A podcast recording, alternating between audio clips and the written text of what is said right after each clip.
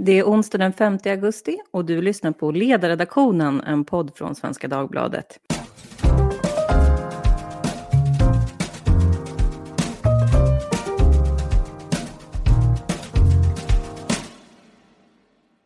Jag heter Lydia Wåhlsten och idag så ska vi prata ekonomi. SCB lanserade sin preliminära ekonomiska prognos för Sverige idag nämligen. Och nedgången i BNP är den största på 40 år för ett enskilt kvartal. Minus 8,6 procent. Arbetslösheten är samtidigt snart uppe i 10 procent och den här siffran är trots att nästan 600 000 personer i Sverige omfattas av permitteringsstöd. Det vill säga att eh, de arbetar på företag trots att efterfrågan kollapsat för att de kan få ett visst stöd av staten. Samtidigt så är inte allting sådär väldigt becksvart. Vissa talar redan om att krisen har nått sin botten. Svenska bostadspriser de steg med 1% i juni och är nu tillbaka faktiskt på samma nivå som innan coronakrisen. Samtidigt så har några inköpsindex trillat in som ser positiva ut. Dels den tillverkande ekonomin, där är den över 50. Det betyder då att det pekar åt tillväxt. Eh, och även tjänstesektorn kom in idag och var också mer positiv än tidigare. Även svenskarnas optimism kring den egna ekonomin ökar. Och eh, ja, börsen den har ju sett misstänksamt positiv ut ett tag nu. Så frågan för dagen är hur oroliga vi bör vara. Med mig för att reda ut det har jag John Hassler, professor i nationalekonomi och tidigare ordförande för Finanspolitiska rådet. Hej John! Hej! Hej, välkommen till podden. Tack så mycket. Här finns också Jonas Frycklund som är biträdande chefekonom på den gigantiska organisationen Svenskt Näringsliv. Hej Jonas! Ja, hej. Det är bra att du har rätt syn på vår organisations storlek. Precis, skulle jag säga krympande då som tillväxten är stort. Nej, Svenskt Näringsliv är stort. Min första fråga är så här då. 8,6 procent i BNP-fall under andra kvartalet av 2020 enligt SCB. Och SCBs chefekonom Robert Bergqvist, han sa så här idag. BNP året 2020 kommer att skrivas in i historieböckerna. Och då är min självklara fråga är om ni kommer ligga sömnlösa över den här höga siffran.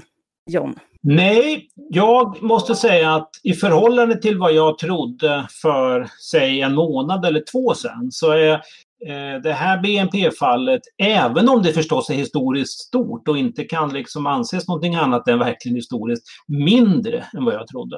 Eh, ja, min, min gissning var att vi åtminstone skulle se en nedgång i BNP på i storleksordningen 15 procent i Sverige och, och kanske 25 i, i, i åtminstone Sydeuropa. Det har, det har vi inte gjort. Och jag, jag tänker att givet de här extremt drastiska åtgärderna som har vidtagits, inte bara i Sverige utan runt omkring i världen, att ändå över 90 procent av BNP finns kvar, det är för mig förvånande. Mm. Hur förklarar du det då? Ja, det måste ju ha att göra med att med, med dels att ekonomin är mer robust för en sån här ekonomi, eh, en sån här, eh, den här typen av åtgärder. Och, och, dels också att, att vi inte har fått eh, några liksom självförstärkande negativa eh, återkopplingsmekanismer som trycker ner ekonomin. Eh, och det, det, det, skulle vi kunnat fått. Vi skulle kunna fått en, liksom en väldigt kraftigt ökande pessimism som gör att hushållen inte vill konsumera andra saker. Det skulle kunna ha lett till att eh, huspriserna eh, faller, att tillgångspriser kraschar, att banker får problem och vi skulle mycket väl ha kunnat gå in i en, i en eh, depression som gjordes på 30-talet. Men, men nu har vi i huvudsak bedrivit en, en bra politik och det, och det har gjort att vi eh, inte har fått större effekter på BNP eh, än de här liksom rent nödvändiga effekterna som vi får på grund av att vi då inte går på restauranger och så vidare så mycket. Eh, så att, så att, eh, eh och, så att vi, vi har gjort vi har gjort rätt politik och, och det, har, det, har, gjort att vi inte har fått de här eh, eh, negativa spiralerna. Och det har också, tycker jag, gjort att det verkar som att än så länge så har inte ekonomin tagit någon permanent skada. Eh, vi har inte fått eh, massiva konkurser än. Vi har inte fått massiva ökningar i arbetslösheten. Och det, det gör att jag än så länge eh, tycker att det har gått ganska bra, förvånansvärt bra. Krisen är inte på något sätt över, så att riskerna för de här sakerna som jag pratade om, den finns ju kvar förstås. Men, eh, men än så länge har det gått ganska bra. Ja, vi ska prata om det här om, om man döljer då en viss arbetslöshet eller sådär genom de åtgärder som man har vidtagit. Men eh, först Jonas, ligger du sömnlös i natt? Eh, nej, det, det, tycker jag inte man eh, ska, ska göra. Det här är ju ett historiskt eh, stort eh, fall och eh, som jag skulle säga ungefär eh, vad vi förväntade oss att det skulle bli. Eh, och eh, eh, så givet den här e-, e-, enorma osäkerheten naturligtvis som, som hela, vi har med oss hela pandemin. Eh, så egentligen så går det ungefär enligt plan. Det har ju visat sig i den här krisen att eh, man har kunnat få de här stimulanserna i effekt ganska så snabbt. Eh, och det är där de gör som mest nytta. Att eh, kunna motverka eh, krisen i det tidiga skedet. Eh, och det har man ju sedan mycket stor nytta av när man sen ska försöka ta sig tillbaka. Så där har vi ju lyckats. så policyresponsen har ju varit bra givet de svåra förutsättningarna. men det som vi har fram, framöver är naturligtvis att det kommer bli en väldigt trög återgång i ekonomin. Så där har vi många utmaningar. Många har ju valt att fokusera på att det går relativt bättre för Sverige än för andra länder. Och det där är väl lite av en blandad bild. Jag såg att Eurostat presenterade sin data, då sa de att det var inget annat EU-land som hade en snabbare ökande arbetslöshet än Sverige i juni. Och samtidigt så har det kommit en brittisk rapport från en analysfirma som menade då att ekonomin har klarat sig bäst i Europa i Sverige. Jag tänkte höra hur ni ser på den här relationen mellan coronastrategi och ekonomiskt utfall, John. Jag skulle väl säga att den här hypotesen att den svenska coronastrategin har gjort att BNP-fallet har blivit mindre, den tror jag inte riktigt på. Jag, jag, tycker för det första inte riktigt att det ser ut som att det svenska BNP-fallet är så mycket mindre än vad det är i andra länder. BNP-fallet i USA var 9% 9,5 Eh, i Tyskland 10 ungefär. Eh, vi har inte riktigt sett det än för, för Norge och Finland, men, men de preliminära siffrorna som kommer både från Norge och, och Finland pekar inte på att de har haft särskilt mycket större BNP-fall än vi. Eh, och jag tror, så jag tror inte att, att eh, eh, det har varit så stor skillnad. Eh, mycket av det som vi inte har gjort, masker, att vi har sagt att folk inte får gå ut på sin fritid och så vidare, det påverkar inte BNP så mycket. Och, eh, när vi tittar på de hårdast drabbade branscherna inom eh, turistnäring, hotell och restaurang och resor och så vidare. Det har ju, eh, de har ju folk, föl, folk eh, följt rekommendationerna och där har man ju tappat eh, kanske 60, 70, 80, 90 procent av, av intäkterna trots att det inte har varit någon lockdown. Så, så jag tror inte så mycket på den hypotesen. Eh, en sak som, som är viktig ekonomiskt dock så, och som inte syns i BNP det är ju att vi inte har stängt ner eh, Eh, grundskolorna. Och eh, det tror jag är ekonomiskt väldigt viktigt. Eh, de, de, eh, vi, vi, vet att, att ett år mindre i skolan leder till livslångt Eh, eh lägre löner på kanske i storleksordningen 6, 8, 10 procent. Så har man stängt ner skolorna ett, ett, kvartal så får man nog räkna med att den bästa gissningen är att då de som har drabbats av det här, de har 2 lägre lön resten av livet. Det syns inte än, men det är en väldigt stor ekonomisk konsekvens eh, som vi då har sluppit i Sverige, till skillnad från en del andra länder. Men BNP-fallet hade nog varit lika mycket även om vi hade stängt ner. Jonas, hur ser du på det här med eh, sam sambandet mellan coronastrategi och ekonomiskt utfall? Ja, alltså det kan ju ge en marginell effekt att det skapar en viss ökad flexibilitet i hur företag och hushåll kan bete sig. Men, men det finns ju då äh, undersökningar från USA där man har jämfört delstater som har haft äh, olika hårda lockdowns men samma smittspridning och, och då ser man att det som driver så att säga effekten på ekonomin det det är smittspridningen och rädslan för smitta. Så att eh, det är det som påverkar människors beteende, att man rör sig mindre, konsumerar mindre på restauranger och hotell och reser mindre.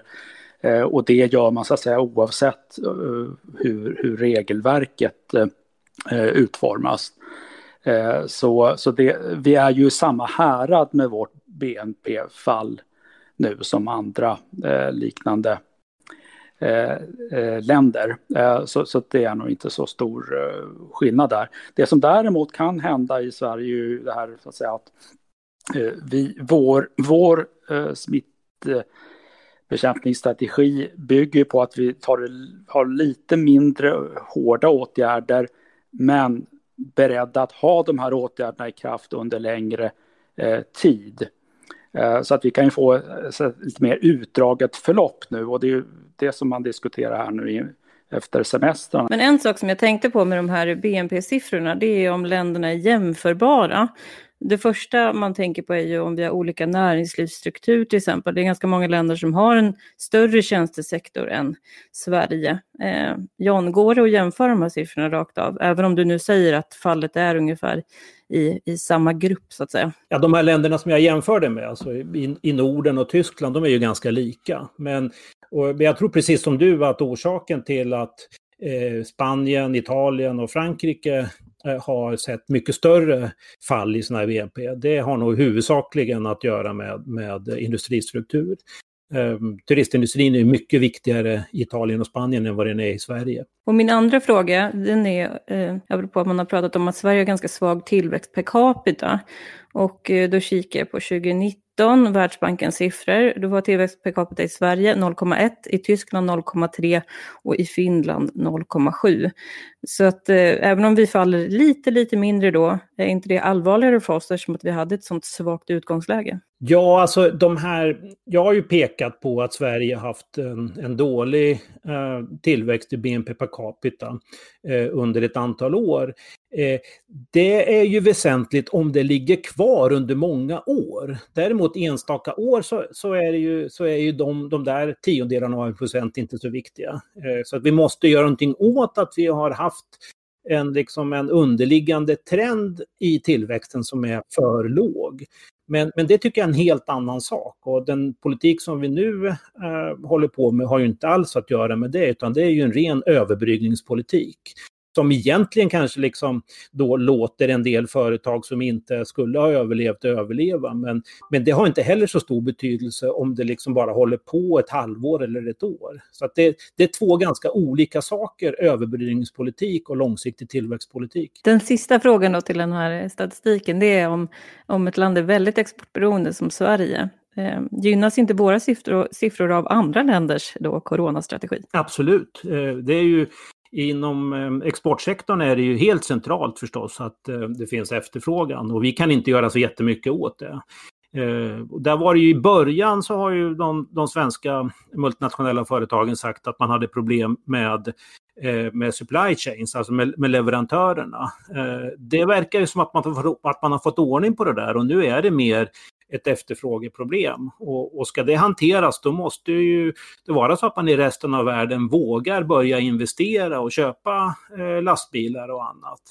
Um, en, en, och och, och där, där är det ju, men där får man väl tänka sig att orsaken till att efterfrågan på sådana investeringsvaror är känslig för, eh, för eh, osäkerhet är ju att man ofta kan skjuta upp besluten. Så att man säger att ja, men just nu kanske vi inte ska göra den här investeringen och köpa den här lastbilen, men vi kör på med den gamla ett tag till. Men, men förhoppningsvis så, så kommer ju det ändå, den efterfrågan att, att kunna tas igen så att säga senare, för man behöver ju då ändå byta sina investeringsvaror och köpa den här lastbilen. Eh, och och där, det är ju en skillnad då mot eh, mot eh, turistindustrin där man liksom inte kan räkna med att man kan ta igen förlorad efterfrågan senare. Eh, Jonas, jag tänkte att vi ska prata lite om korttidspermitteringarna. Arbetslösheten klockade in här för någon vecka sedan på 9,8 procent och eh, ungefär 600 000 svenskar har just nu korttidspermittering. Jag såg att LO var ute och krävde att man ska förlänga de här eh, stöden. De ska ju sänkas nu från 80 till 60 Eh, procent. Och eh, då tänkte jag höra hur eh, Svenskt Näringsliv ställer sig till, till det här stödet. Vill ni också ha den här förlängningen? Ja, alltså det, det, är naturligtvis en, en svår balansgång hur, hur man ska se på det här med, med stöd och hur länge man ska hålla på med det. Därför att det är klart att eh, på lång sikt så är ju arbetslinjen det avgörande för den svenska ekonomins utveckling och, och om man kör på med permittering för länge så ja, då försvårar man så att säga en sån, sån återgång. Eh, och nu så fortsätter ju eh, permitteringen eh, året ut, eh, men man har försvunnit den här så att säga förstärkta eh, reglerna som man hade under en viss tid.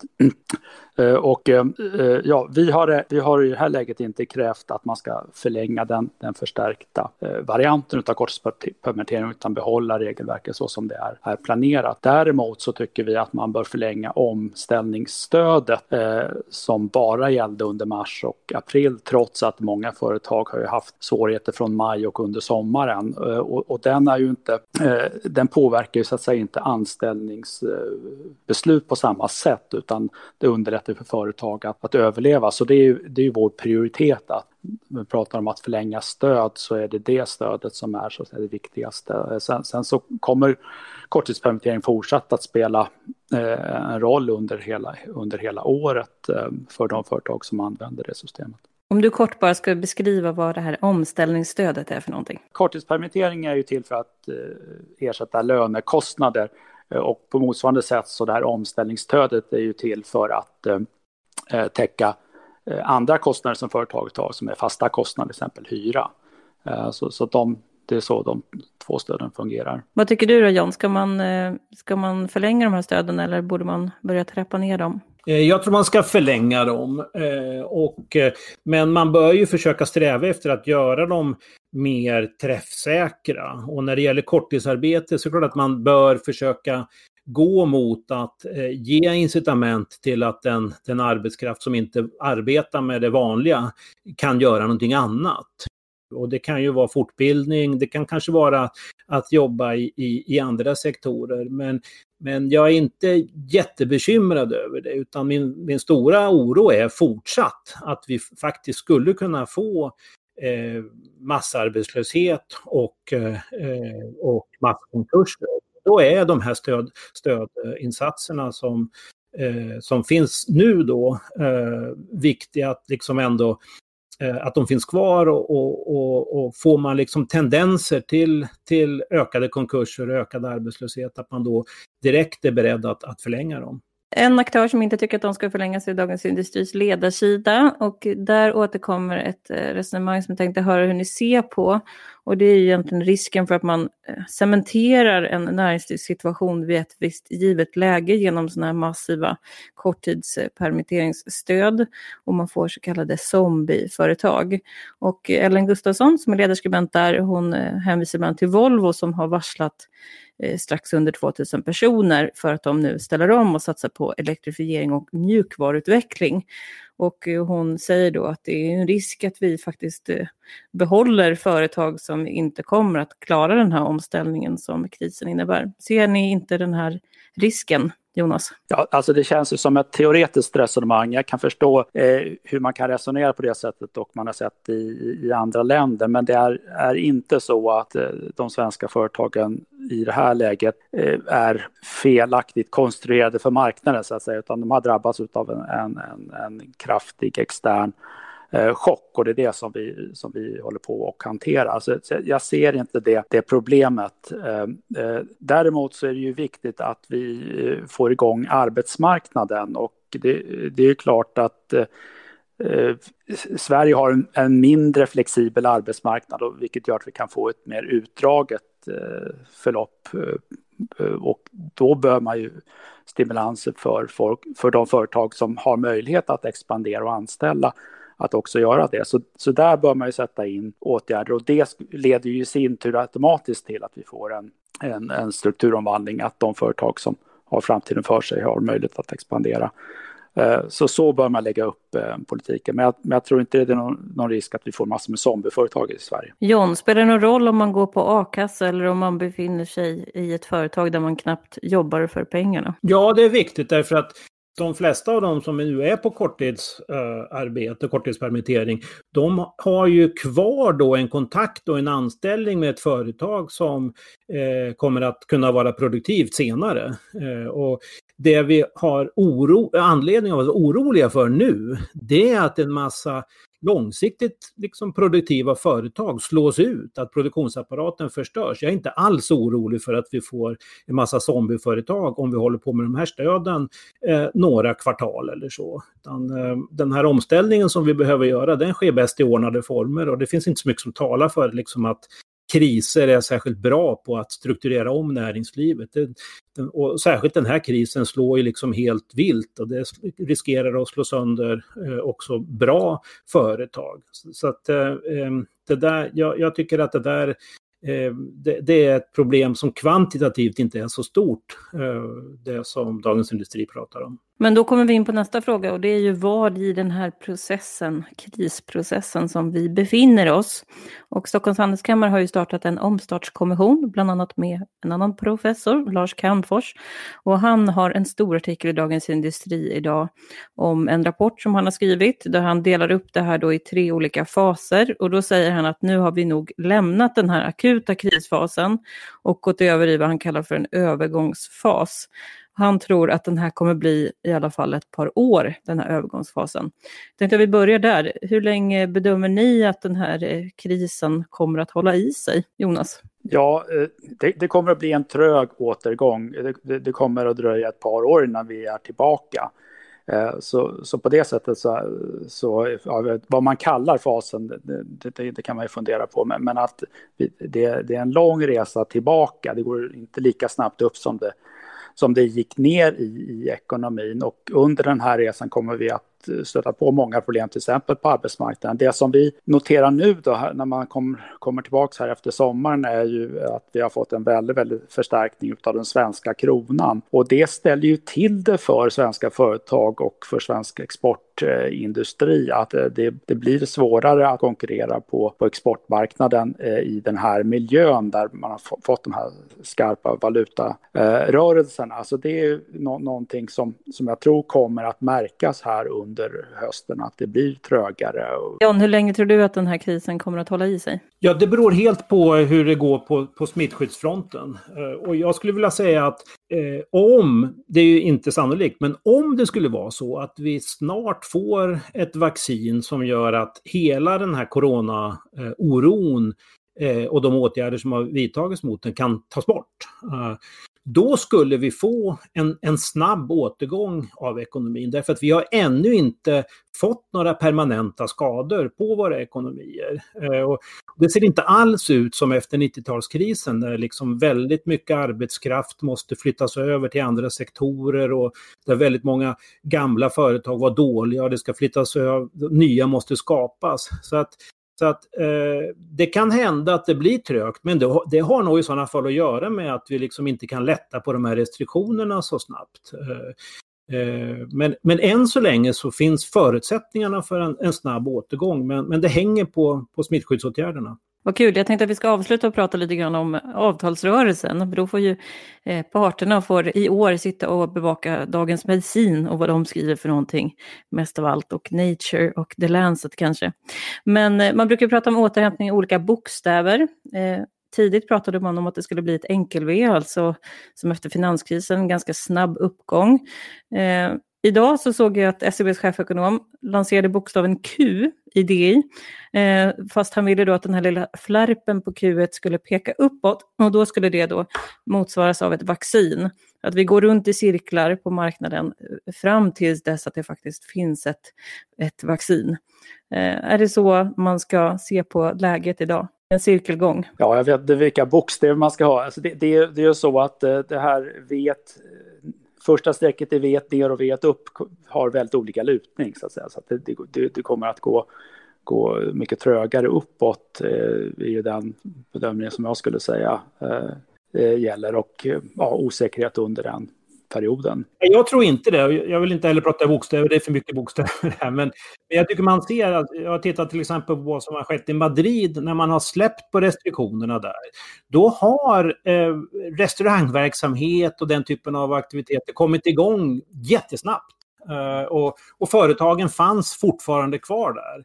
Eh, så, att, så att den här liksom trögheten som beror på att ekonomin eh, är trög, den tror jag inte vi har. Eh, och mina, jag kan inte göra några bra prognoser för, för, för när vaccin kommer och sånt där. Och, och, utan det, och det kan väl egentligen ingen göra. Men, men än så länge så finns faktiskt förutsättningarna för en, en snabb återhämtning om, om man nu lyckas på vaccinfronten.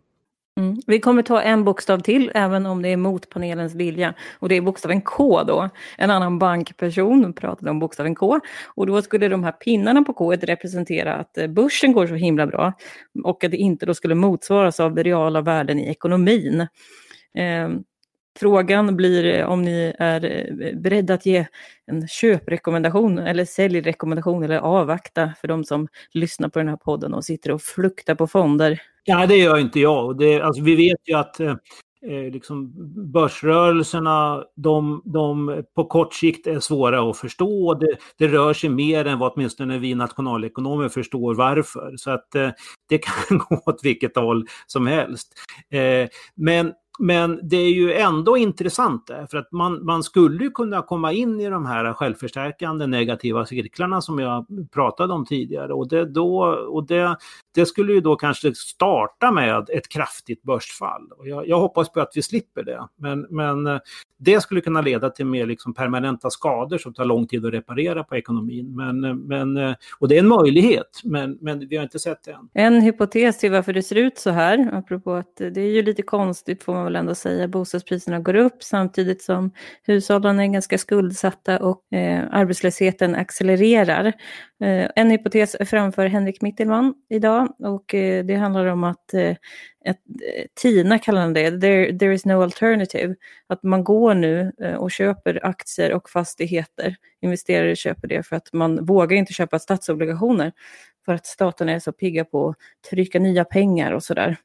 Vad ger du för den här förklaringen Jonas? Ja, alltså det, det, som händer och som kan skapa en del problem för oss det är ju då att metoden här nu det är att föda in mycket pengar i ekonomin och det, det kan ju vissa ekonomier göra som eh, USA, Europa, Sverige. Så att säga. Vi kan ju flöda på med pengar i systemet för att upprätthålla det hela.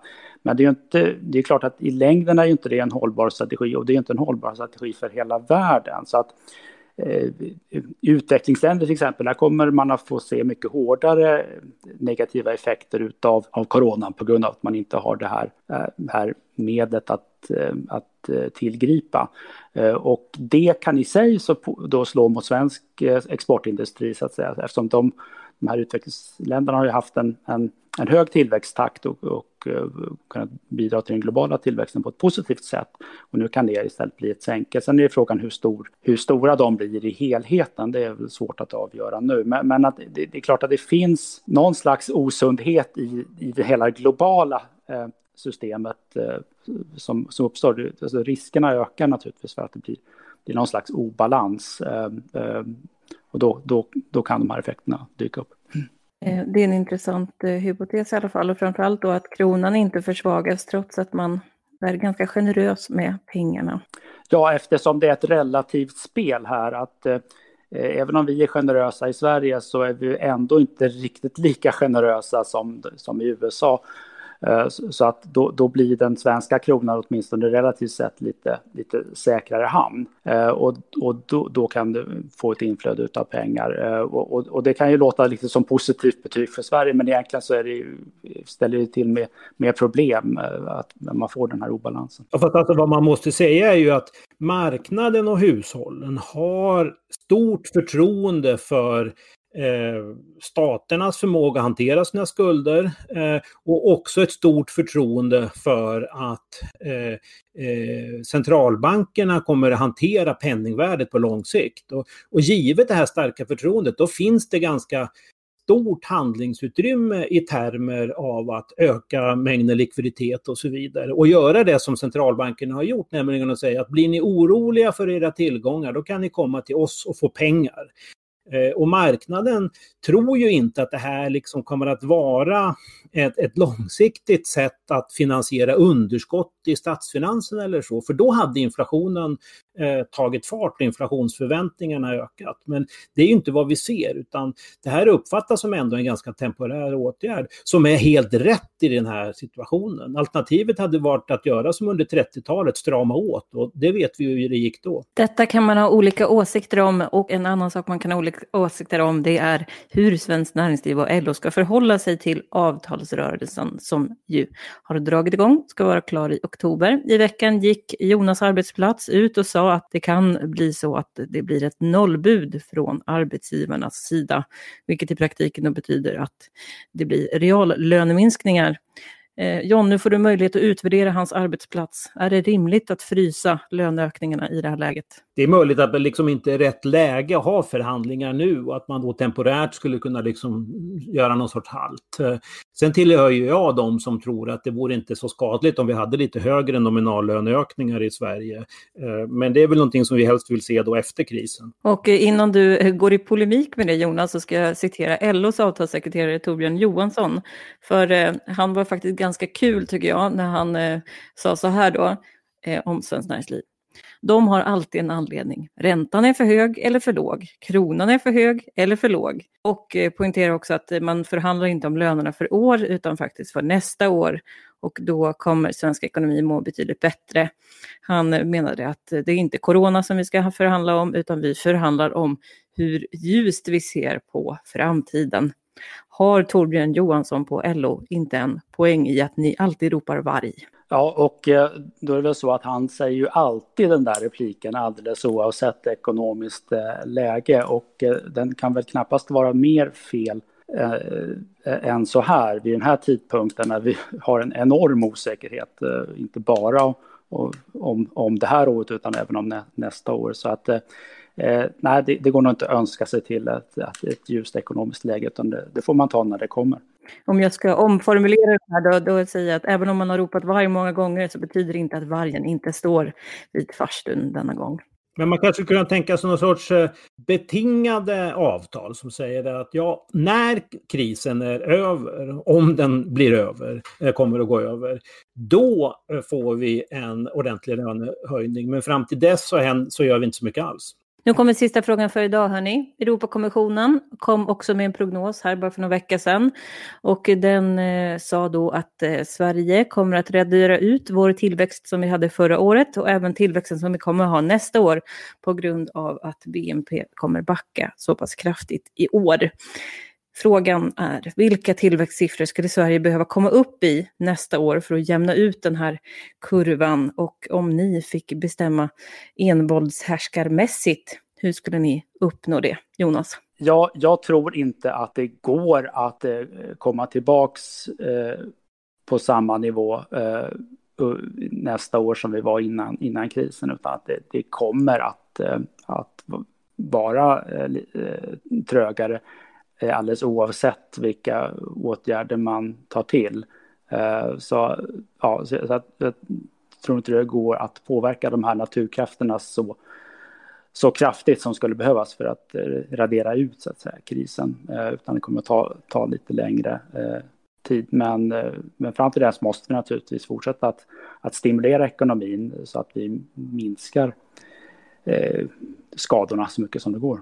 Men om du var tvungen att rassla efter några reformverktyg, vilka skulle du leta efter? Vi vet ju att arbetsmarknaden är trögt eh, och eh, att vi har sett till exempel en, eh, en kraftigt stigande ungdomsarbetslöshet. Så, så där skulle man ju behöva stimulera det och vi har tagit fram ett sådant förslag om, om sänkta arbetsgivaravgifter för unga som i det här speciella ekonomiska läget skulle faktiskt vara en åtgärd som skulle skulle vara motiverad.